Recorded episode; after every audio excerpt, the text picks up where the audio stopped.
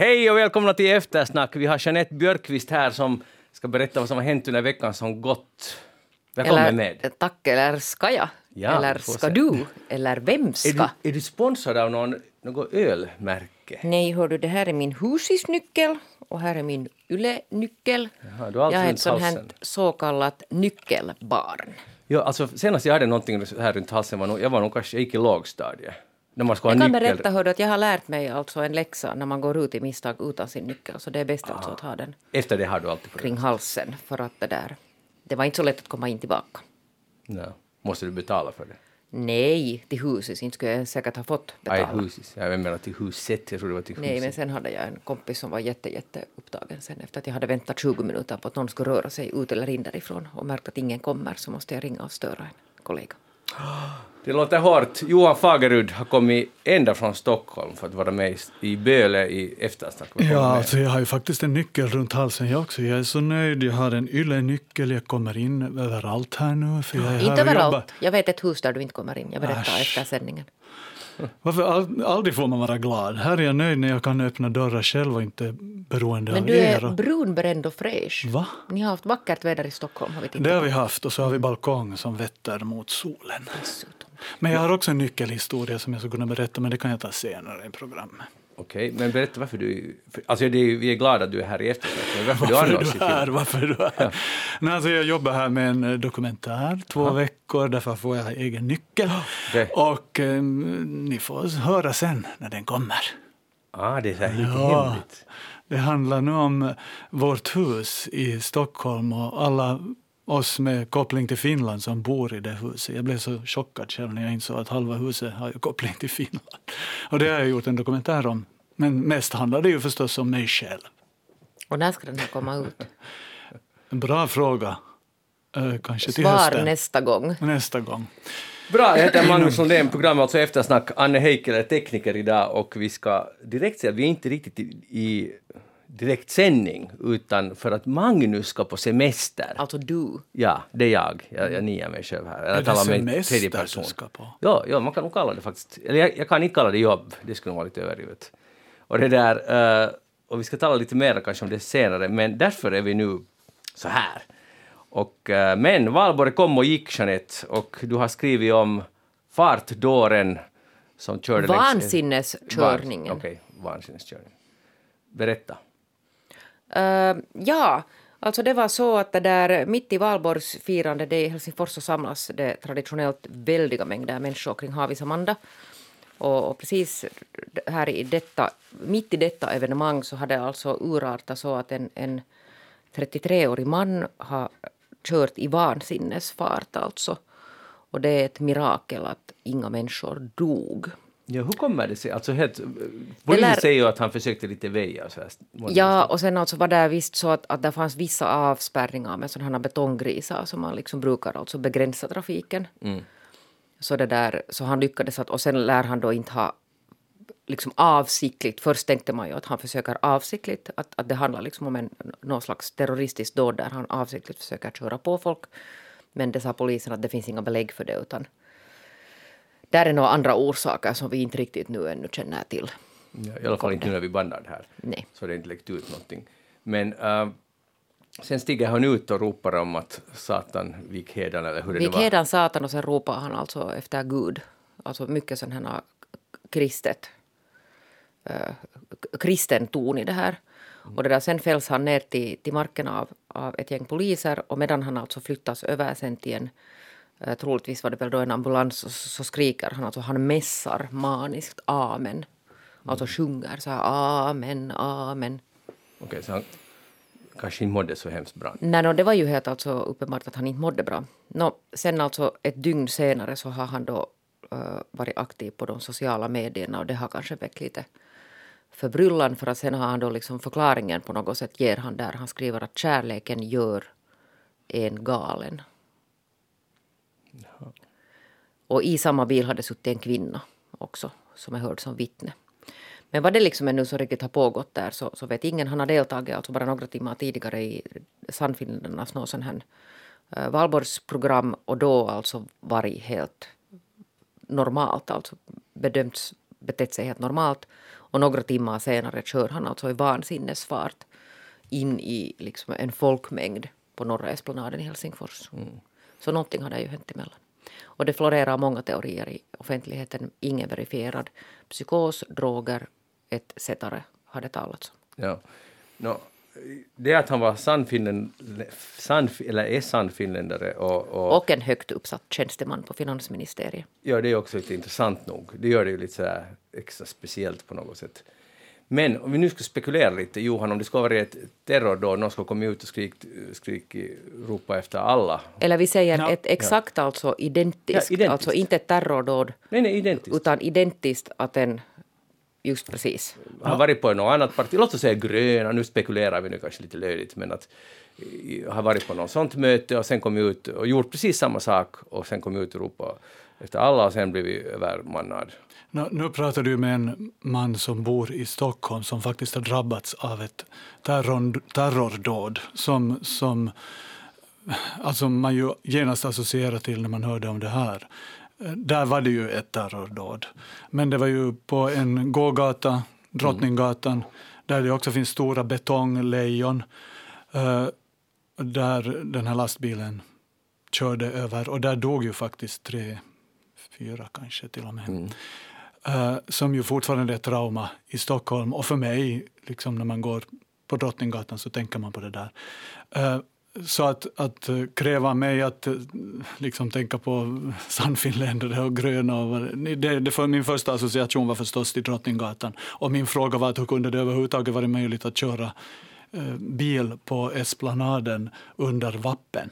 Det Om jag förstod saken rätt så fråga. tidigare år hade det inte varit tillåtet. Att De påstår det. att det har varit identiska trafikarrangemang, alltså att man inte helt enkelt okay. kan, att det inte är befogat att stänga av trafiken helt, till exempel med tanke då på så här räddningsfordon? I Stockholm så ansåg man det nog ganska befogat att stänga av den helt, för nu är det större lejon ja. och svårare att, att ta sig in med bil på Drottninggatan.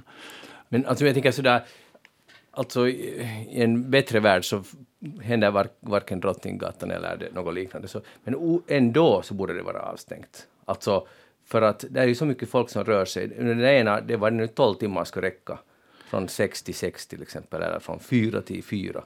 Och det är nog helt motiverat, det är så mycket folk som rör sig. Det är ju annars också farligt med trafik när sådär med folk ja, jag menar, Det har hänt ganska många olika saker. Också på Nice för några år sedan så hände det ju jo, jo. Så att man tycker att man borde inse att det är en stor risk. När det är karneval. Ja. ja. Jo, jo alltså, jag menar, men jag menar att redan utan de här terrordåden så borde det vara befogat att stänga av. Absolut. Alltså, eh, men, men det, det som vi eh, ville, eller jag ville spekulera i det är att, att skulle jag fått en, en annan uppmärksamhet, tror jag åtminstone, om det skulle ha varit ett precis samma sak med någon som ska ropa efter alla. Vad tror du? Alltså du behöver inte ens tro, utan det är ju alltså det är precis så det är. Men hur, kan, hur, hur vet vi nu att det är så? Nej, men Dan Ekholm skrev klokt i, i Vasabladet, nu hade jag tänkt citera honom, jag har fått upp hans, jag hade tweetat ut här, här nu det där. I veckan äh, där han sa att, att, det skulle, att det skulle inte falla någon in att börja äh, söka alltså skyldiga varken bland nationalekonomer pianister, den här mannen alltså spelar piano, eller mm. kristna för den delen. Förstår ni att, att, att, att när det är en vit uh, man som gör det här så behöver han aldrig representera någon annan än sig själv. Mm. Men, men är han alltså en representant för särskilt alltså då kanske islam så då är han alltid en representant för hela religionen och då ska man springa liksom till, till imamer och man ska springa hit och dit och, och man ska gå ut till, till Östra centrum och fråga liksom andra som, som sorterar till samma religion att, att vad anser de nu här och, och vad är deras ansvar? För så att det blir ju helt andra proportioner alltid. Men Hesari hade nog en intervju med en präst som de ville fråga de här citaten, som han, replikerna som Kastel slängde ur sig, att varifrån kommer det? Men det var ju inte alltså en artikel som ifrågasatte alltså nej, någonting överhuvudtaget, nej. utan han fick bara förklara att han känner igen de här jo, citaten från Bibeln. Ja. Men han, han, han behöver ju inte alltså representera, inte ens, det finns olika teorier om sådana här undergrupperingar som han eventuellt alltså hör till. Jag kan inte säga någonting mer för att jag har inte kunnat verifiera det här. Men det där men det kommer ju ändå inte att leda till att man börjar ifrågasätta. Nej. Har det blivit klart vad han full, vad han påverkar? Det vet vi alltså inte. Det vet vi inte just nu när detta program görs, men det har, det har funnits alltså, de gjorde, han misstänks för grovt rattfylleri och han har själv skrivit på, på de här sina sociala medier i sitt inlägg då, ena inlägg som han gjorde, att han har blåst noll. Men, men rattfylleri inbegriper ju också droger mm. som syns i blodprov som är alltså nu just under arbete. Men blir, jag vill ännu gå tillbaka till det. Blir det inte, är det inte ändå en skillnad mellan att om vi, om vi tänker, tänker att det är en terrorist som har ett politiskt syfte, som nu ska jag skapa kaos i samhället och jag har planerat det och åker in i de här människorna, eller för, sådär halvt i alla fall. Och sen en som drabbas av någon plötsligt, plötslig inlevelse, nu ska jag köra fullt här längs esplanaden och inte har syfte att skada någon. Fast det, det är ju det som blir resultatet. Ser du, är det inte skillnad ändå där? Jo, det är klart det är skillnad, men jag menar, uh, man vet ju inte alltså genast den här uh, liksom sammanhanget. Nej. Till exempel den här, om vi nu tänker den här Åbo knivhuggning var ju en förskräcklig alltså händelse. Och det tog inte alltså hemskt många sekunder så var man igång med de här jihadisterna och det liksom var terror då. det liksom på något sätt skapades och liksom verifierades i medierna jättestarkt. Och sen tror jag att det var lite så här att man fick söka väldigt djupt för att hitta sen att det kanske fanns någon sån här religiöst motiv alltså bakom det här dådet. Och, det där, och jag tror att skulle man söka i den här jappens bakgrund så skulle man säkert också kunna hitta den. Mm. Men det kommer man inte att göra. Nej, för att det kommer ändå att avfärdas som någon sån här tillfällig sinnesförvirring. Ja. Vilket man alltså aldrig skulle ha kommit på tanken att göra när det gällde den här Åboknivhuggningen. Ja håller med om det. Och sen om man vill ta det på humorn så just det där Dan Ekman då skriver att man, söker inte, man går inte till alla pianister och säger att ni är en fara för samhället. Eller till alla förälskade, för var det en av orsakerna som han uppgav att han var olyckligt. Ja. Det var någonting med Men hur kan kärlek man, Precis. Och hur kan man förresten, hur kunde han bli frisläppt? Det förstår jag inte. Liksom, att om man ändå har skadat tre människor och kört, för det skulle kunna sluta mycket, mycket värre. Och det är de här, vet du, det är, sån här, det är den här, vad heter den nu, vänta, förundersökningslagen måste den heta på svenska svenska. Mm. Där det finns alltså vissa juridiska sådana grunder för att vad ja. ska brottsrubriceringen vara för att man ska kunna frihetsberöva en person. Ja. Och polisen har nu bedömt att de här inte uppfyller det här. Det här frågar jag polisen. Och och sen har polisen lyft fram, lyft fram att, att uh, i för, förundersökningen har det kommit fram att det finns inga misstankar om att han ska ha gjort det här på flit. Säga, med flit. Det är också en intressant formulering. Men jag menar om man kör, har ni sett den där videon? det har vi verkligen jag gjort. Menar, hur, den, den hastighet som man körde i, ja. så jag menar... Det finns tippningar, alltså någon sa att, att ungefär 50 kilometer och jag säger att det räcker inte. Nej, det alltså räcker den hastigheten inte. räcker och där inte. tycker jag nog att det kan räknas som med flit. Alltså ja, ja. att med vett och, eller utan vett. Alltså Köra måste... på det där sättet så det, man kan nog inte säga att det inte var med flit för att Nej, han visste nog vad han gav sig in på. Man kör i den där folkmängden, i den där hastigheten. Jättehårt. Och jag kan alltså inte förstå jag, alltså, vilken lycka att ingen skadades allvarligare. Så här. Det, det, är alltså, det är ett mirakel att ingen dog där. Jo, för det kommer från ingenstans. Fuh, det, det, ju, det skulle ha räckt ett barn som skulle ha stigit ut så skulle det ha varit förbi. Ja. Men Magnus, är du ute efter det att skulle han ha varit svart eller muslim så skulle han inte ha blivit frisläppt direkt efter det där? No, det tror jag verkligen inte han skulle mm. blivit, men det, det där kan jag nu inte heller veta. Men, men för då skulle man ha misstänkt en terror, en terrorattack. Mm. Jag kan åtminstone säga att medierna skulle ha kokat väldigt mycket mm, mer än vad de gjorde nu. Men vi är glada att det inte, så inte var och att ingen skadade sig. Hej, svenskarna är ju nazister då, så här rent generellt. Det, det där. Och det är inte fake news. Nej. It's the truth. Ja, för att nu har man i Ryssland, det är inte väl ryska staten under vem det nu var som har startat en affischkampanj, i alla fall utanför vad det är Sveriges ambassad. Det är säkert en, ett svar på liknande kampanjer som Sverige hade i Ryssland om att man skulle kunna hoppa av mellan tid där från det ryska statsmaskineriet. Så nu har kom ju upp lite liknande uh, affischer som ser likadana ut där man kommer fram till att, eller vi bevisar att, så att säga, att Astrid Lindgren, Ingmar Bergman och Ivar Kamprad är nazister och lite med citat från deras historia. Nå, hur tror du att svenskarna ska ta det här nu då, när Astrid Lindgren dras in också i det här? No, Astrid Lindgren är ju en helig ko i, ja. i Sverige, men efter att man har hört hur de har anklagat Ukraina och liksom ledningen i Ukraina för att vara nazister så är man ju verkligen inte beredda att ta det här på allvar överhuvudtaget. Mm. Utan det är tydligen någonting man tar till för att svartmåla fienden. Ja, och det är ju bara, det passar bra nu när segerdagen är just precis ja. här och, och det är ett, ett ord som alla i Ryssland förstår och alla har lärt sig att nazismen är illa. Så att, men jag är bara förundrad, fortfarande förbluffad över att man måste ta till det där, det där ena ordet som man vet att alla i Ryssland, för man har ändå vuxit upp med, med vi vann och vi offrar mycket för att krossa nazismen, det stämmer ju Sovjetunionen. Men, men att man måste ta till det, den grejen. Alltså, helt hemlighetsläst kör man bara på det. Men det är intressant att de väljer, vad sa du, Bergman och uh, Ikeas. Ja, ja. Och, och de två har ju, det finns ju faktiskt, han har ju blivit, blivit anklagad eller man har lyft fram hans bakgrund med sympatier för nazisterna. Ja. Och uh, med Bergman så var det ju att han var i han var väl utbyteselev tror jag i Tyskland mm och påverkades av det men han har ju tagit avstånd, inte har jag läst något belägg för att han skulle ha sympatiserat med men, alltså, Jag läste bara snabbt, men nu är jag inte någon expert, men han tog, gjorde sin liksom avbön totalt ja, det, det här var helt... Ja, så har jag också förstått ja. det. Uh, och däremot Astrid Lindgren, jag vet inte hur jag det, det, alltså det kommit på det, det var ju den mest men alltså är det antinazistiska du kan hitta ungefär. Ja. Men är det nu inte så att det behöver inte finnas något belägg, man Nej, kan ändå bara det, påstå det? Men här finns och det kanske inte riktar sig till oss utan det riktar sig till Absolut. Deras egna landsmän. Men Lindgren, de hade plockat ur något av hennes, nu har jag inte läst det originalet nu, men det finns någon dagboksanteckning där att hon just under kriget antar jag, eller kanske före, att hon hellre skulle välja Stalin framom Hitler, eller något sånt här. Och det är liksom då en ett bevis.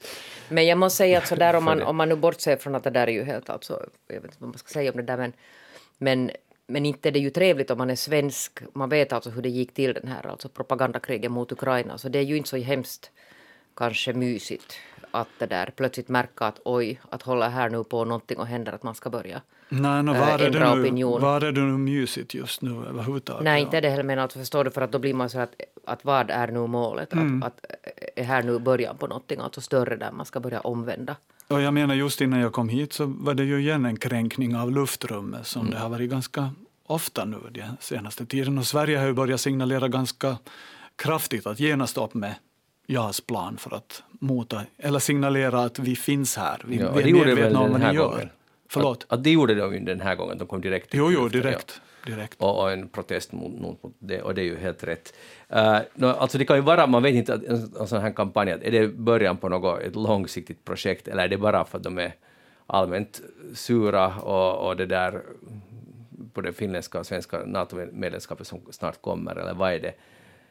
Men jag, jag skulle nog ändå säga att, att jag har svårt att tro att det här är början på en, en sån här invasionplan, för att det, det är ganska det har de ju inte men någon kapacitet ju, till nu. Nej, men om man tänker, alltså det, det är ju sådana lång, långvariga projekt det här att man ska alltså omvända ja. folk. Så man måste börja någonstans. Man måste börja någonstans. Kanske man börjar så här. Och, och sen börjar alltså bollen rulla innan, för det, man kan ju inte mm. alltså säkert vända alltså opinionen och, och få gemene ryss att, att tro att Sverige är nazist, ett nazistland, no. utan det krävs lite mera bearbetning. Men man skrattar kanske först åt det, men sen fastnar nog skrattet i halsen. Jag skrattar inte alls, jag tycker att det är otroligt obehagligt. Det är obehagligt. Mm. Och det där, så var det just det där att det kom just då i Finland också, att, att ha, ha någonting motsvarande, alltså börja, mm. börja ske, liksom att man börjar tala om Finland i, i samma, och jag tycker att det är faktiskt alltså obehagligt. Mm. Men det finns, något, det finns ju nog i pressen och sådana tyckare och sånt här har det nog funnits en del, men några kampanjer har jag i alla fall inte ännu hört om, men det är helt möjligt det kommer. Men är det inte, alltså Alltså ska faktiskt Rysslands folk gå på det? De har gått på det i alla fall till stor del när det gäller Ukraina. Men kommer, ska de gå på att, att, att det, det var så propaganda, den, där, den är så uppenbar och den är så manipulativ och den börjar liksom, det är helt, det, det, för alla som kan lite tänka själva och lite använda ett VPN eller någonting, fundera efter lite, så ser man att det här är, det här är bara maskineriet som nu sätter igång. Att nu blir vi manipulerade. Ja, det kan du tycka, men det där, jag, vet jag, jag tror jag inte att det är så hemskt enkelt sen när man är på något sätt utsatt för allt det där, att det ja, inte ja. finns... Och den på att det på något sätt det är det som...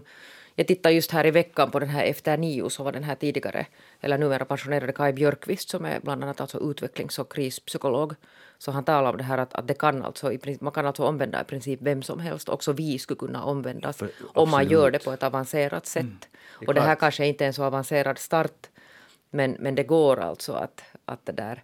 Att det handlar ju om att få människor att ta avstånd till och på något sätt liksom börja betrakta andra grupper eller andra nationer eller andra folk som, som någonting mindre värda.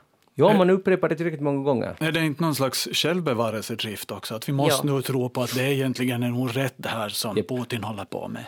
För att annars blir det en lögn allt det här som vi lever i. Och jag menar, det har ju till och med varit sådana absurda grejer så att ryskspråkiga i Ukraina ringer hem till sina släktingar och säger att, att vet ni vad, som håller, vad, vad, vad Putin gör här i, i det här landet? Nej, nej, nej, inte, inte stämmer det riktigt. Och det är bara propaganda. Ja. Så att Så den biten har nog alltså varit väldigt effektiv och, och det där. Och det har lett till djupa sår inom familjer också. Ja. Hej, en intressant grej som vi, vi aldrig, jag tror jag inte vi ha, hade diskuterat förra veckan eller veckan innan, var det att den här utredningen, och jag bara funderar om ni har någonting att tillägga om det, utredningen mot det här Airiston Helmi, som lades ner, eller lades ner när det gäller uh, om penningtvätt, men det här om skatte, vad heter det, mm, inte skatteflykt, men skatte, liksom att man har försökt undkomma att betala skatt för typ två miljoner. Så den, den, den, det fortsätter. Men, men det enorma utredningen om penningtvätt, den läggs helt enkelt ner efter, vad blev det, nästan tre år, två och ett halvt. Och jag trodde när det här smällen kom, när det här tutade ut det, att det här kommer bli en enorm grej. Men det har talats väldigt lite om det. Om vi tänker hur mycket polisresurser som gick åt till det. En enorm operation, typ största i Finlands, ja, på väldigt länge, med be- beväpnade soldater i Parga sko- skogar. Eller inte kanske soldater, men eh, vad var det var för insatsstyrka. Eh, Och så blev det ingenting. Har ni funderat på det här? Det där, jag tror att ganska många kommer ihåg det här alltså när det började här. Nu skrevs det ju, det var ju ganska mycket alltså i, i Då när det började? då. Ja. Ja, förstås. så tror jag att det, där, det har fallit i glömska och de flesta blev alltså kvar med den tron att det var, att det var liksom någonting skumt, att man tänkte att, att det var det, att det var, det var någonting skumt och de är skyldiga. Ja, så tänkte jag. Och sen de flesta har glömt bort att det, alltså, det som hände var att det påbörjades en, en förundersökning som har pågått hemskt länge som ledde sen till en rättsprocess där det här alltså, Det har lagts ner. ja. Men det är ju jätteintressant. Alltså, för nu borde man ju börja ställa kritiska frågor. Vänta, vad är det motiverat med den där enorma insatsen? Vi talar alltså om, det var ju typ den största och otaliga, eller kanske inte otaliga, men massor av utredare har jobbat med det. Och de har inte fått assistans tydligen från Ryssland, vilket inte förvånar så hemskt mycket. Men, och det kan ju fortfarande vara att, att, att det är jätteskumt. De har ju till exempel då undgått att betala skatt för vad det 2,3 miljoner, hävdas det nu i det här. Eh, Och det är ju, det är ju allvarligt, men det, det är ju inte så allvarligt det skulle kräva Men brottsutredningar är inte riktigt så där enkla heller. Mm. Alltså det att det inte sen håller i, i rätten behöver inte betyda att allt har varit helt korrekt Nej, nej, det och att allt har varit alltså helt sådär att det var helt Men vad betyder det? oskäligt. Det kan betyda alltså helt enkelt att, de här, att den här juridiska bevisningen inte räcker till för att den här Mm. beviströskeln är ganska hög. Så det, Det behöver inte betyda att någon har tystat ner det, utan att... Jag, jag inte tror inte Nej. någon har tyst tillräckligt- Jag tror att de har bara misslyckats få bevis. Ja, och det där, ja, alltså nu borde vi ju ha läst förstås både förundersökningen och det där och den här domstolens protokoll. Det har jag tyvärr inte alltså själv nu gjort. Men det där, men vad skulle du säga då att, att man inte borde ha startat den här operationen alls? Det har ju funnits, alltså förstås inte inleder man sådana här operationer utan att det finns alltså skäliga misstankar om. Jag menar att i proportion till insatsen, alltså jag lever också absolut i den där tron, jag tror att de, många i Finland lever i tron det är, no, det är något suspekt där, och det är det sannolikt, och det, men det kan vi ju inte veta förstås. Men att jag är bara förvånad att man gjorde en sån där stor insats utan att ha lit, att det inte sen höll hela vägen, och att man har satsat så här mycket resurser för att inte fram bevisen som man borde ville få. Men det är inte så lätt alltid att få fram bevis. Det, det är alltså svåra processer att få fram bevis. Men Det- då har man ju misslyckats. No, inte, no ja, no, alltså, mm, nu kan man ju se det på ett sånt sätt också med det där. Med det där. Men nu tycker jag ju att det var bra att den gjordes, den där utredningen. Det skulle ju ha kunnat sluta på ett annat sätt också. Nu vet man i alla fall att det har utretts. Jag kanske inte, alltså, jag, nu bra det utreddes, jag, jag menar bara att det var lite för spektaku, spek, spektakulärt att man gick in så där hårt. Att det var med så hög profil, man skulle kunna göra det på ett annat sätt. Ja, du tänker att skulle du ha godkänt om det skulle ha varit med mindre profil där i början? Jo, verkligen, för att för nu gick vi alla in tro att, att, att, de, att det är väldigt konstigt alltsammans och, och det är jättemisstänksamt och, och ryssarna i Finland gör si och så. Så jag menar, nu fanns det inget hemskt mycket belägg för det, i det här fallet. Du förstår inte vad jag menar? Jo, jag förstår precis vad du menar. Mm, Och så sa du just det där att man har inte fått så mycket hjälp från Ryssland Ja. heller. För att där är alltså sådana också helt praktiska saker som kommer vet, emot. de- Att om inte du kan samarbeta, alltså att det är brottslighet som alltså rör sig över nationsgränser.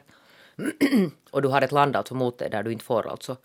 Så, så då handlar det ju inte om att misslyckas utan det handlar ju helt enkelt om att, att, att ekvationen blir för Men de har, de har begärt om hjälp från 20 nationer. Och ändå har det inte lyckats. Mm. Nåja, alltså kanske... Vi ska läsa nu in oss på det här och så ska vi uttala oss med sakkunskap nästa gång. Hej, vem är, ja, det ska vi göra. Vem är det där... No, jag läste nog artiklarna, men det, min point var egentligen här att det har blivit så lite skrivet om att det gick åt pipan med undersökningen. Det har du helt rätt i. Att, att, att, det, att det bara, aha, okej, det, det blev ingenting. Ja, det tycker jag är jätteunderligt. Ja, och vad det berodde på alltså. Ja. Okej, hej. eh, Vem är kändaste finländaren i världen? Så här nulevande, förlåt. Uh, no, ja, kanske vår statsminister. Sanna Marin. Ja. Mm. Eller någon idrottsman. Vem det nu skulle vara. Vänta, vänta, vänta, vänta, vänta, vänta, vänta, jag måste... Mm, det är inte Kimi Räikkönen, ö, det är... Mm, Han är faktiskt nummer två. Okej, då är det... Och det var inte Sanna Marin. Nej, nej. Nej, väntas nu, det här är alltså någon nu, det, det är någon av sån här spelbolags, någon sån här. Nej, inte vet jag, säg vem det är. Valtteri Bottas. Ah, förstås. Men alltså det här är räknat till vem som har nämnts i internationella medier. eh, och det där, men ändå har, det här är en artikel som var nog för några veckor sedan, men jag har pantat på det här länge, för jag tycker det är så intressant att finska utrikesministeriet sitter och följer med då, säkert alla andra utrikesministerier det också, följer med vem vilka finländare som är i pressen, liksom internationell media, och gör sen en lista utifrån det här att det här är de populäraste och mest kända. Då är Bottas första, Räikkönen andra, Lauri Markkanen basket, basketspelare trea och Teemu Pukki fo- fotbollsspelare fjärde. Alltså bara karlar, vad har de läst för tidningar? Men hör du, sp- det är sport. Ja. Okej. Men sen här kommer en finlandssvensk toppnyhet. För just före Sanna Marin på elfte plats finns Linus Torvalds. På tionde. Linus, fortfarande. Linus är kändare än Sanna Marin enligt det här UMs analys av läget. Och det hade jag inte... Alltså nu visste jag att han var stor, men jag trodde att det hade lite, att det finns liksom, kommer nya stjärnor och sådär, men att han fortfarande, fattar ni, att han är, nämns oftare än vår... Vi trodde ju att statsministern är den som alla vet om Finland. Men nu måste du rabbla upp de här alltså topp 10 där. Du, Jag sa du- just. Men inte alla. Ainoa Mikko Rantanen, Alexander Barkov, Sebastian Aho, Lukas Radetski, Patrik Laine och sen Linus Torvalds. Han är första som inte är en idrottsman.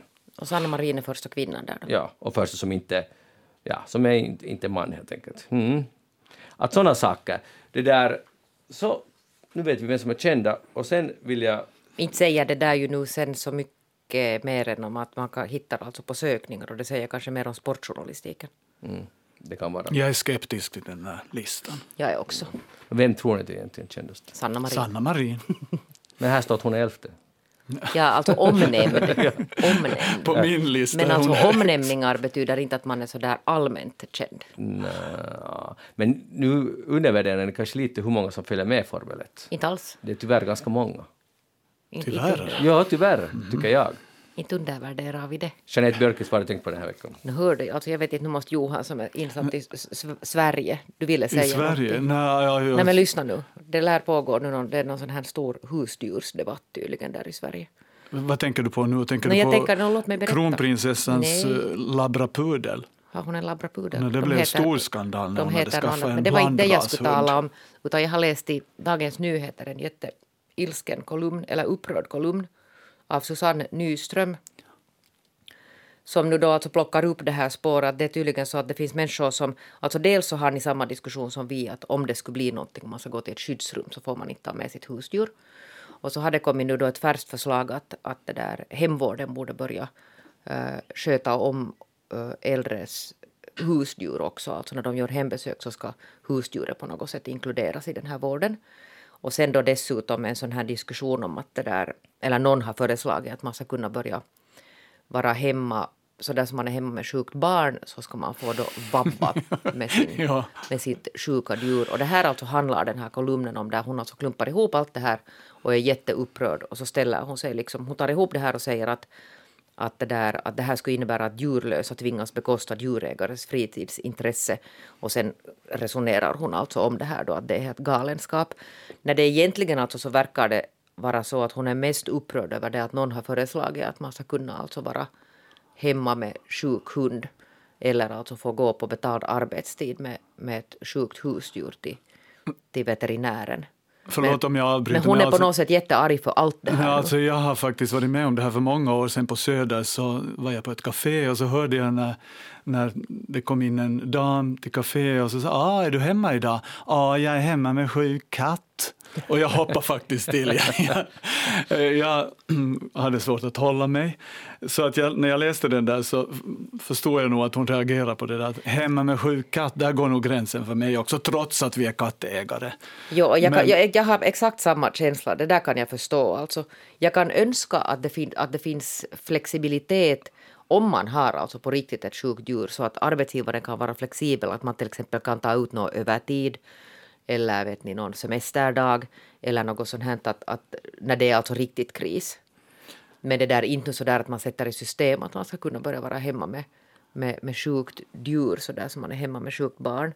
Sen kan jag ju tycka att det är lite det blir lite orimligt det här att hon blir så upprörd över det här att hemtjänsten eh, också skulle hjälpa till med djuren. Och nu vet jag inte vad det är för en diskussion som har pågått i Sverige. Men det där det måste ju då vara så att hemtjänsten inte har någon andel överhuvudtaget. Att om, om en gammal människa har ett husdjur så ska den gamla människan kunna sköta om det och inte få någon överhuvudtaget, alltså hjälp av hemtjänsten. Men kan man ju kräva, börja kräva nu plötsligt att hemtjänsten som är utbildad att ta hand om människor ska börja kunna ta hand om djur? Det är ganska stort steg. Nej men jag har ser du det där nu dessutom gjort för no, det är nog ett antal år sedan så gjorde jag en, en artikel med en Anita. Och Anita var fullständigt ensam. Hon hade alltså inget annat än vad det var en systerdotter tror jag som, som lite såg till henne. Och så hade hon hemtjänsten. Och Anitas enda glädje och lycka och sällskap i livet var hennes katt. Och så dog hennes katt. Och så, så var det tal om att hon skulle få en ny, men hon var ju gammal och skröplig. Och, och där blev det sen en diskussion att, det där, att hon skulle ha behövt att förstås att hemtjänsten hjälper till att tömma till exempel den här kattens låda och tar ut alltså den här påsen då samtidigt som de får ut det här rosket. Och det hade sen alltså efter en lång och byråkratisk strid så hade det slutat med att, att det gjorde man. Och hemtjänsten älskade den här katten och Anita levde säkert tio år extra på att ha sin katt. Alltså det var, det var hennes glädje, alltså hela hennes liv kretsar kring den här katten och det var alldeles underbart. Ja, det tycker jag låter underbart, måste jag säga. Jag menar, i, om jag har förstått saken rätt så i hemtjänstens uppgift ingår det ju att städa behjälpligt. Så jag tycker att det skulle vara helt okej att man tar ut katt, att man rensar kattsandlådan. Det tycker jag inte att det är så farligt. Jag vill ännu säga om det här med att hemma med sjuk katt är verkligen ett undantag. Jag har inte upplevt, det, det finns fördomar eh, om svenskar att de liksom är hemma för minsta lilla sak. Och det skulle jag nog, min erfarenhet av arbetslivet i Sverige är att arbetsmoralen är ganska hög. Mm. Fast är det inte så att de vabbar ganska? De har ju till och med gjort några utredningar och det där försökt lite. Att de vabbar för mycket? Ja, det är ju inte kanske djuren då, utan det är alla möjliga andra orsaker. Mm, Okej, okay, där kanske du vet mer än jag. Men alltså, jag tror att intresset för att vara arbetsgivare skulle minska ganska radikalt om det skulle plötsligt skulle komma nu att nu har man rättighet också att vara sjuk hemma tre dagar med sjukt eh, husdjur. Nej, nej, men det går ju inte. Att, nej, och det säger nog djurmänniskorna här i den här studion, att det går ja, vi är inte. kattägare och nej, jag skulle nog aldrig Men sen däremot vet jag att det har ju varit alltså ganska mycket debatt i Finland också, för att det kom ju då förstås med den här Ukraina och det här, och man började tala om skyddsrummen och plötsligt var folk jätteintresserade av de här skyddsrummen. Och då fick ju de flesta veta att, att, att det är så att behöver man ta sig till ett skyddsrum så kommer man dit utan husdjur. Och det är ju då någon sån här allergi, vet ni, sån här. Och sen har alltså husdjursägare har varit ganska till sig och från sig. Jag tror det som att det har startat alltså någon medborgarinitiativ mm. där man kräver att om det skulle bli så så att måste finnas skyddsrum också för människor som har djur. För att den här liksom eh, liksom sådär, en teoretisk tanke då att husdjursägare måste lämna sina hundar och katter och bli bombade. Det låter alldeles fruktansvärt. Alltså, nu är jag allvarlig. Alltså, det, låter, ja, men det, det kommer att bli helt... No. Ja, och det är men, det där... Och det har ju hänt alltså i Ukraina men det där, för att det handlar ju också om att, att, det, liksom att, att det här kan man ju sen tycka att men det här är ju helt fjantigt, att det är klart att man ska rädda människor först. Men det säger människor som inte alltså kanske mm. alltid förstår sig på att hurdana slags relationer, till exempel om man är extremt ensam och på något sätt din vän i livet och din liksom vardags, din familjemedlem är alltså det här husdjuret. Absolut. Och nu är det ju klart att det, kan, att det är säkert ganska jobbigt att uh, ha sjuk hund om man är, till exempel bor ensam och det finns ingen annan som kan sköta det. Så vad gör man? Jag vet inte vad man gör. Då måste man lita på att man har en trevlig arbetsgivare. Så säger jag, som du sa, att det flexas. Så vi måste väl lita på det. För att nu är det ju helt klart att, att som ditt exempel också är ju och jag tror inte att det där är verkligen det enda exemplet, att den enda så att säga vän, eller som man i alla fall har dagligen hos sig, är den där katten. Så det är otroligt viktigt. Det är inte något snack om det.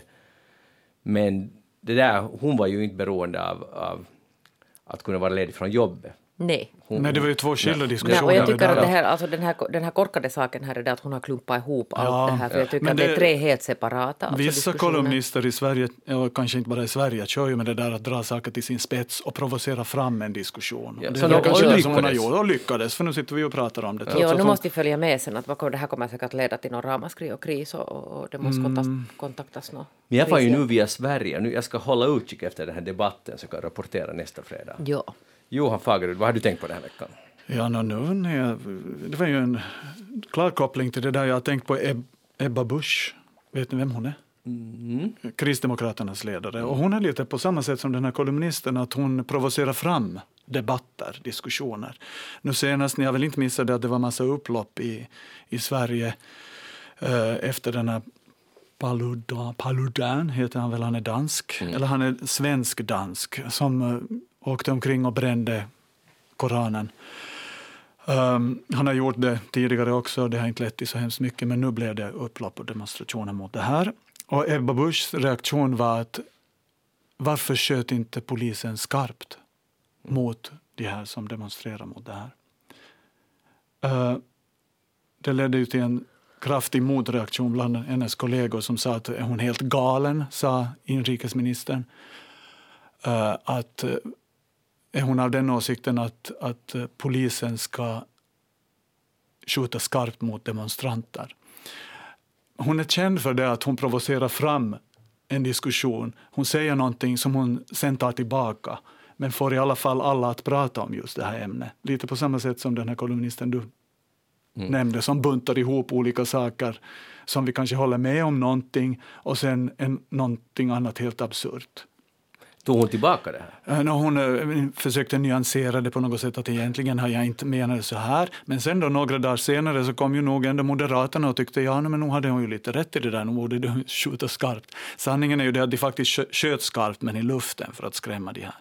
Hon kan ju inte ha menat att, att de borde ha mejat ner demonstranterna. Men Eller hon det alls- hon menade? Har hon alls velat alltså problematisera det här att, att ska han få hålla på på det här sättet?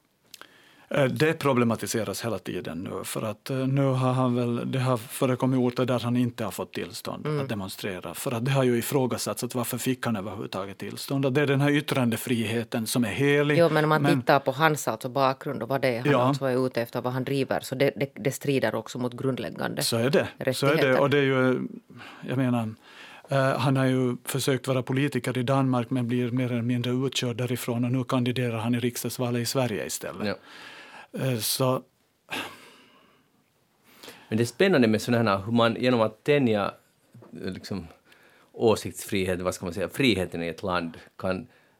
Han är ju liksom på ett sätt en politisk clown. Alltså, och och det låter ju jättelustigt, jag menar inte det, men jag menar att han bara, han testar det och medvetet provocerar. Ja, och det säger det i Danmark. Ingen tar honom på allvar Ja. längre. Så då måste han komma till Sverige och göra det. För att, Och man borde inte låta sig provocera, man borde bara liksom att håll truten. Och, och, och när han, han gör ju det bara, han vet ju precis vad han i bästa fall så att säga ur hans synvinkel får till stånd. Och det här var ju, nu, nu lyckades han ju i Sverige. och tidigare har det varit helt lugnt och folk har inte tagit honom på allvar. Så därför har frågan också uppstått att är det någon annan som har provocerat fram de här upploppen för att eh, liksom, eh, när man inte skadar Sverige med ett krig utifrån så ska man skapa ett krig inne i landet. Men där fanns Mm. ju nog kanske, där finns ju alltså mm, det, en viss polarisering, alltså att, att det fanns vet du, ett stoff att på något sätt plantera det här i färdigt. Förstås. Förstås. Men, men nu när man dissar honom så man måste ju också vara tydlig med att de som gick in i de här upploppen var ju, det var ju, alltså det var ju också väldigt destruktivt. Alltså de, de är ju liksom skyldiga nog. Förstås att Men- men det det, blir det lätt så att man- de tog till. Ja. Att, Men menar du att det då skulle vara rätt att meja ner dem? det sa jag ju inte och det tänkte jag inte heller. Att, att meja ner någon, så det sker ju inte, ska, får inte ske sådana här Nej, men det, vi är kanske mer intresserade av det där som man kallar yttrandefrihet. För jag tycker inte, är det rätt att han ska få bränna Koranen överhuvudtaget? Eller bränna, det, ska det vara tillåtet ifall det... Alltså jag, jag förstår det... den där frågan, för det är, ju, det är ju viktigt att man ska att man inte ska låta det hindras att det eventuellt leder till upplopp. För man ska ju kunna säga och göra vad som helst i princip, utan att det ska leda till och i princip ska det inte handla om Koranen, Nej. utan om vilken som helst alltså religiös Bibeln skrift. eller någonting, ja. Men alltså, det är klart att det är så här enkelt svarat, tycker jag, att det är klart man får bränna Koranen. Alltså, eller menar, Bibeln. Eller Bibeln. Eller absolut, vilken, vilken skrift som helst, Finlands lag, då får man bränna den. Men, men att, sen är det en helt annan sak att att är det vettigt och är det, liksom, det är ju jätterespektlöst och så vidare. Och det, jag tycker att det är fel. Men, men att, att var ska vi börja dra gränsen? Vilka böcker får brännas? Men där alltså, man måste på något sätt där, alltså jag vet inte, ska man sen alltså bara bedöma att får han bränna Koranen? Utan att titta överhuvudtaget på att vad är den här kontexten, alltså varför vill han bränna Koranen och vad är hans alltså agenda där bakom? Han vill skapa kaos. Att, jo, jag förstår det, men alltså den här agendan bakom där, så den är sen alltså sån att den kränker sen alltså. Den är, den är inte alltså i sig om man liksom går in och börjar analysera och tar den på allvar och mäter den alltså på mm. riktigt mm. mot människorätt och sånt här. Så den är ju alltså olaglig. Att, att yttrandefrihet, den är inte alltså obegränsad. Den, den, den, den, liksom, den ska ställas i relation till andra lagstiftningar och det där eh, också kommer med ett ansvar. Det är intressant det som led, ja, säg. Jag vill bara säga att det är ju det som de här typerna utnyttjar att, att de, de, de tar yttrandefrihet, de plockar russinen men tar, de tar inget ansvar. Ja. Det, det, det, det är därför det blir så svårt att debattera, liksom, att hur ska man förhålla sig till det? Eh, nej, det är ju valtider i Sverige också, så att där är ju Ebba Busch, eh, hon testar det här, att vad kan hon slänga ur sig mm. och vad väcker det för frågor och får hon sympatier eller får hon motstånd? Men det hon åtminstone får är uppmärksamhet och det behöver hon med de opinionssiffror som hon har. Eh, det var kanske det som jag framförallt hade tänkt på, att vad, vad är hon beredd att ta till för att få uppmärksamhet? För hon, är, hon blev också portad från Elgalan. Man kan tycka att det är en petitess, det är liksom en fest som man har på Grand Hotel och får visa upp sig i vackra klänningar. Hon är också känd för det att hon är, har massa kontakter med influencers så att hon ska synas mycket. Och vad gjorde hon då när hon blev portad? Jo, hon hade anlitat en ukrainsk designer, klädde på sig sin svarta långklänning och ställde sig utanför ryska ambassaden och lät sig fotograferas där. Jag såg de bilderna. Ja. Det såg väldigt stiligt ut. Det såg väldigt stiligt ut, men alltså Ja, ja, suck. Alltså det var ju så uttänkt. Alltså, man blir, bara, man blir så matt på något sätt. Och när hon, eh, hon klarar tydligen av ganska mycket. Hon har ju också varit i stormen på grund av eh, den här husaffären som hon hade. Hon hade alltså eh, köpt billigt ett hus av en 85-årig gubbe som sen började protestera mot att, nej, att inte vill han heller sälja det, eller var det släktingarna? Och så vägrade hon ta emot, ändra den där affären, utan hon ville köra det. En vanlig politiker skulle kanske ha tänkt att, men, eh, mina väljare tycker bättre om mig ifall jag ger det här huset tillbaka åt den här gamla gubben och köper, jag har ju råd att köpa ett annat mm. hus. Medan hon då stod på sig och tyckte att hon måste få köpa det hus som hon vill. Och där kan man ju också diskutera att varför skulle inte en politiker få köpa det hus som man vill? Och klart att en politiker också ska ha rätt att, att eh, om, om hon har lagen på den, sin sida, Förstår ni att det finns en lag, en juridisk lag och sen det här moraliska, vad, hur väljarna ser på henne efter att hon har gjort de här sakerna. Och den ska man inte underskatta. Nej, och hon balanserar hela tiden på den här linjen. Och det har att göra med att hon, jag betraktar ju henne som en populist. Och eh, det är ju där som hennes parti också balanserar. Eh, på, jag menar, det är de som vill samarbeta med, med Sverigedemokraterna just nu och Moderaterna det är en enda gröt där just nu. Så att... Men när du jämför, eh, vad ska vi kalla det som det så fint låter, samhällsdebatten i Sverige och Finland, så hur, hur skulle du beskriva skillnaden så där? Alltså, jag menar, är det en liksom aggressivare ton i Sverige? För det är min, den bild jag har. Uh, ja, det kan nog hända att debattklimatet är mm. aggressivare. Man tar alltså ut svängarna? Man tar ut svängarna mera. Uh, och det är kanske också ett sätt att diskutera. Nu när jag har haft en dotter i högstadiet och gymnasiet där, så där har de övat debattteknik.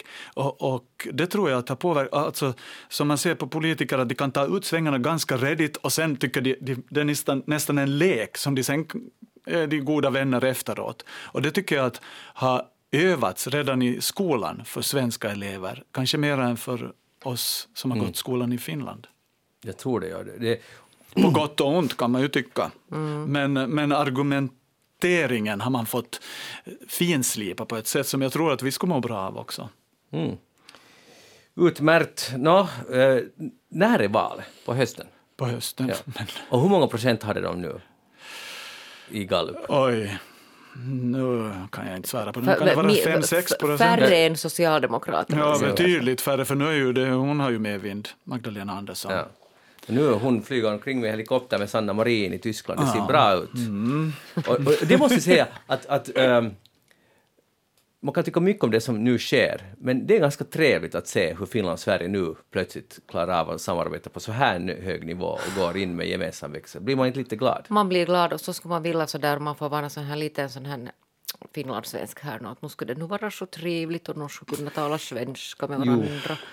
Att på något sätt den här, för att det, det, liksom, det, finns någon, det finns någonting i det här att man kan kommunicera. Pekka Haavisto var ju, han var ju med där i den här Agenda och talar svenska förstås. Pekka Haavisto talar en utmärkt svenska. Och nu skulle det vara så fint. Har någon hört Sanna Marin tala Hon svenska talar inte svenska. Hon talar inte. Eh, ja.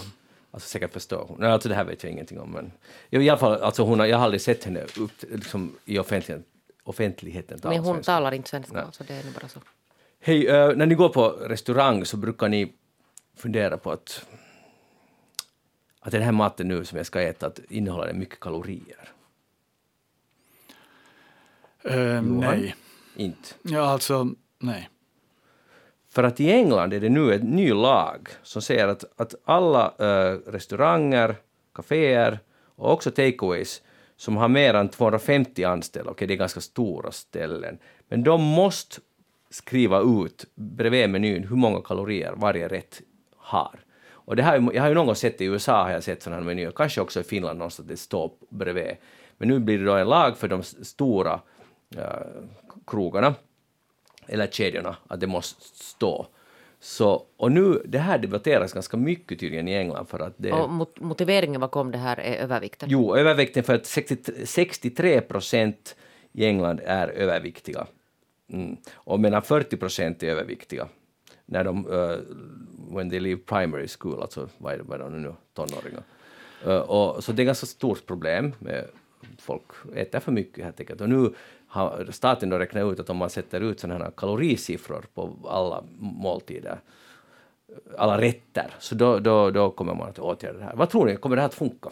Alltså, för det första tror jag att skolmaten både här i Finland och i Sverige är betydligt bättre än vad skolmaten i Storbritannien De har ingen skolmat. Nej, men det, jag vet att Jamie Oliver, den här kända kocken, han gjorde en stor kampanj där han gick ut och kon, liksom undersökte skolmaten, så någon form av skolmat måste de ha någon, i någon del av skolan i alla fall.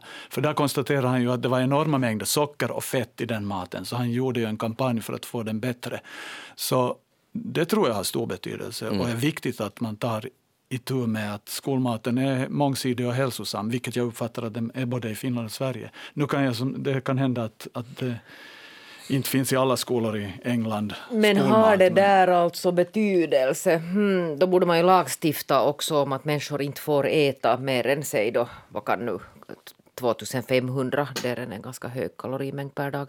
Det kommer nu inte att ske. Nej, jag vet, men förstår du att det spelar väl ingen roll att om man är... Alltså, jag, jag tror inte att det här alltså... Det är säkert helt bra, åtminstone så att, att man får någon medvetenhet om saker och ting. Men där inte kommer det ju att... att det, då kan man liksom säga att, åh, men att här finns 1500 kalorier i den här eh, portionen. Att jag tar fem sådana här och sen har jag alltså överträffat alltså allt vad jag behöver på en vecka på en måltid. Förstår du? Och nu talar vi alltså när vi talar om övervikten i, i Storbritannien eller för den delen alltså i, i USA. Så vi talar inte om att man är lite rund utan de har ju alltså problem med, med alltså kraftig övervikt, alltså riktigt alltså allvarlig övervikt. Men det är intressant att det, är det, här, det här är åtgärder man kommer fram till.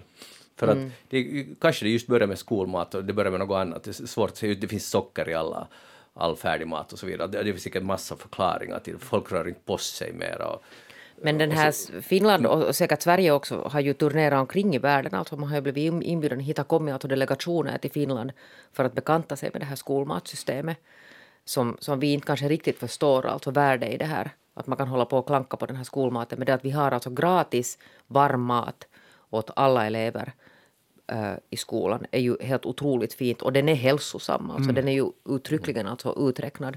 Så att varje barn i Finland får åtminstone, utom under det är strejk, uh, ett, ett ordentligt varmt mål mat per dag. Mm. Och det har ju visat sig att det är jätteviktigt för det är inte alla barn som får viktigt. mera än den maten. Plus att det sätter alltså den här att man på något sätt får via skolan så får man alltså en sån här bredd också kanske på det vad man äter som man inte får om man till exempel då bor i ett hem där man nu inte riktigt kanske tänker på, på det där eh, näringsintaget och, och hur en måltid är konstruerad så där som vi håller på med våra tallriksmodeller och sånt. Jag har hört till och med, är det nu i Sverige då som jag har hört vissa skolor som har satsat på att det finns lite morgonmål när barnen kommer till skolan för det finns familjer där man inte det har diskuterats här också. Har haft, om man märker att, att det påverkar elevernas eh, mottagningsförmåga förstås. Blodsockret ja, höjs Och sen mellanmål har det talats om, det är inte alltså i kraft här men mellanmål för sådana barn som har alltså långa skoldagar. Jag det tror det är en bra investering. Det tror jag också. Men nu, för det kommer, de får fram det här att det, att det finns en siffra så det, har ingen, det kommer inte att ha någon betydelse, säger kritikerna. Det har ingen betydelse, för att de som är medvetna är redan medvetna. Jo. Och de som mm. inte är medvetna tänker inte heller bli medvetna. Det, det, spelar ingen roll. Och de som kommer att drabbas av det här negativt är sådana som redan har ätstörningar. Och så står det rakt ut att helt nu innehåller det så här så mycket, så ah, vet, att man, jag, jag, kan bara äta en tredjedel av den här portionen, för man börjar räkna i huvudet och hålla på. Så det kommer sannolikt att ha ingen effekt eller negativ effekt på den där lilla andelen som har problem motsatta problem. Mm. Jag tror att det där kan vara helt alltså en korrekt slutsats. Inte alls bra. Hej, Loch Ness. Där har jag varit. Har du varit där? Ja. Så jag odjuret. Du är sån guru! Ja. Alltså du har varit inte bara i Afghanistan och vad var det, Somalia har du varit och nu jo, har du varit i Loch Ness. Jo, men vi har alltså, jag har ju bilar runt hela Storbritannien inklusive Skottland. Alltså har du sett ytan av sjön? Jo, jo, jag har pillat där. Pep, fingret i. Men såg du något monster eller något sjöodjur? Nej, jag gjorde ju inte. Såg du spegelbild av dig själv i vattnet? Nej. det var det där... Jag har läst mycket av de här teorierna om det här. Har du? Ja, men vad har du nu? För nu har det, det kommit, det, enligt, det finns ett sånt här register där de liksom noterar alla fynd, eller vad ska man säga, observationer av monstret eller sjöodjuret. Och det här är det starkaste på 22 år. Jag, blev jätte, jag läste Mirror, tidningen, så blev jätte, de, stort uppslaget. Bästa beviset på 22 år. What? Att är det nu äntligen? Så klickar jag och det var nog så svagt det där bevis. Att man ser det, är som en V-formad, alltså ett, det är helt enkelt en, skulle jag gissa, en stor sjöfågel som simmar och det blir liksom vågrörelse bakom. Men ett par, ett 50-årigt par säger att, att, när man såg det med blotta öga så såg det häftigt ut. Det är definitivt minst 10 meter långt. Vet du vad det där är? No. Det är turist reklam. reklam. Ja. Efter coronan så är de desperata att få dit turister igen, så nu måste de puffa lite. Men nu måste vi lyssna på Jeanette, för hon har ganska mycket kunskap. Finns det där sjöodjuret på riktigt? Det där, där kan ju ha funnits någon sån här, det finns ju alla möjliga teorier om att vad är det där egentligen, alltså någon sån här väldigt gammal, alltså sån här typ från dinosaurietiden ungefär, någon kvarleva, någon sån här fiskart som har alltså överlevt. Aha. Det är ju liksom en av de här de här teserna bakom det här. Men jag tror ju det kan hända att där någon gång har funnits något stort sjödjur. Vad det sen är, alltså inte ett odjur förstås, utan alltså något sjölevande djur. Men inte tror jag ju att det här, den här alltså varelsen lever mer. Fast mm. för några veckor sedan så drog de upp den största fisk som någonsin har fångats i Sverige och den var enorm och den hette något... No, men den kan vara till exempel Det kan vara något sånt. För alltså den ännu en förart av den som har varit ännu ja. större. Det kan jag tro. Men alltså, jag tycker ändå att det är härligt, uh, bara man nu tar det lite så med en nypa salt, så är det ganska roligt att den legenden lever kvar.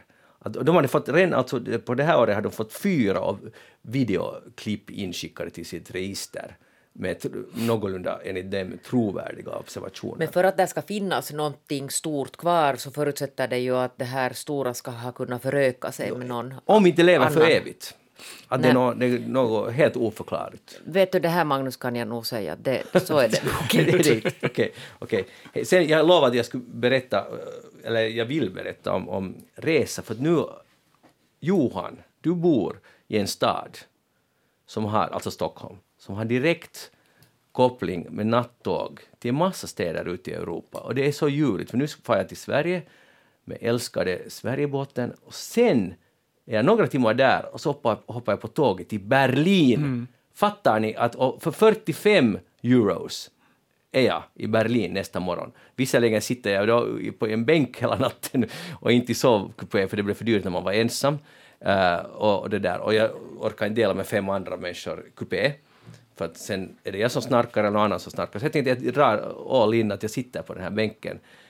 Och så vaknar man nästa morgon i Berlin och sen väntar jag där några timmar, eller en timme ungefär, sen tar jag tåget till Prag. Och så är klockan, imorgon, alltså efter, dagen efter att jag startade på eftermiddagen i Prag och jag har, det har kostat mig 65 euro och jag har åkt med tåg. Fantastiskt! Är det inte helt ljuvligt? Vad bra att du säger det, för jag har min bild av att tåg är fruktansvärt dyrt. Ja.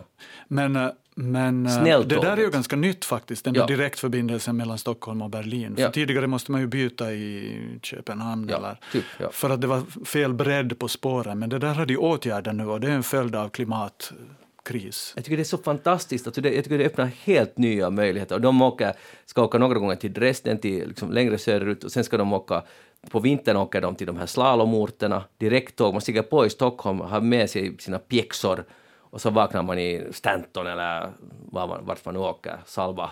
Och är man nästa morgon, eller nästa, inte kanske på morgonen, men på eftermiddagen där. Härligt! Att mera sånt. Så jag, jag är så lycklig, för jag får fara till Prag och jag har med mig en, en rese... Vad heter det? En turistbok. Parlör, inte parlör, men sån här eh, se och lär som är publicerad 1971 från Tjeckoslovakien. och den här tänker jag läsa. Du kommer att gå vilse hela Ja, tiden. men alltså tänk, där står det är säkert en hyllning till det kommunistiska Tjeckoslovakien och sen ser man vardagen idag. Det kommer vara. Och sen har jag Havel, Havels samlade verk med mig plus en beskrivning av Pragvåren 1968. Allt Allt, det här. allt på tjeckiska. Nej, det är faktiskt på svenska och engelska. Och det här blir ljuvligt! Länge blir lever min resa och min Bon voyage, Tack som du mycket. skulle säga på franska. Ja, så skulle jag säga. Jeanette Björkqvist, tack för att du var med här idag. Uh, Johan Fagerlund, tack för att du var med. Och i nästa vecka återkommer jag med en rapport från det fria Tjeckien och från nattåget och från allt annat. Uh, ha det bra tills dess och gå in på, eller e-posta oss på eftersnack.yle.fi om ni har någonting att komma med eller gå på in på facebook.com eftersnack. Hej då!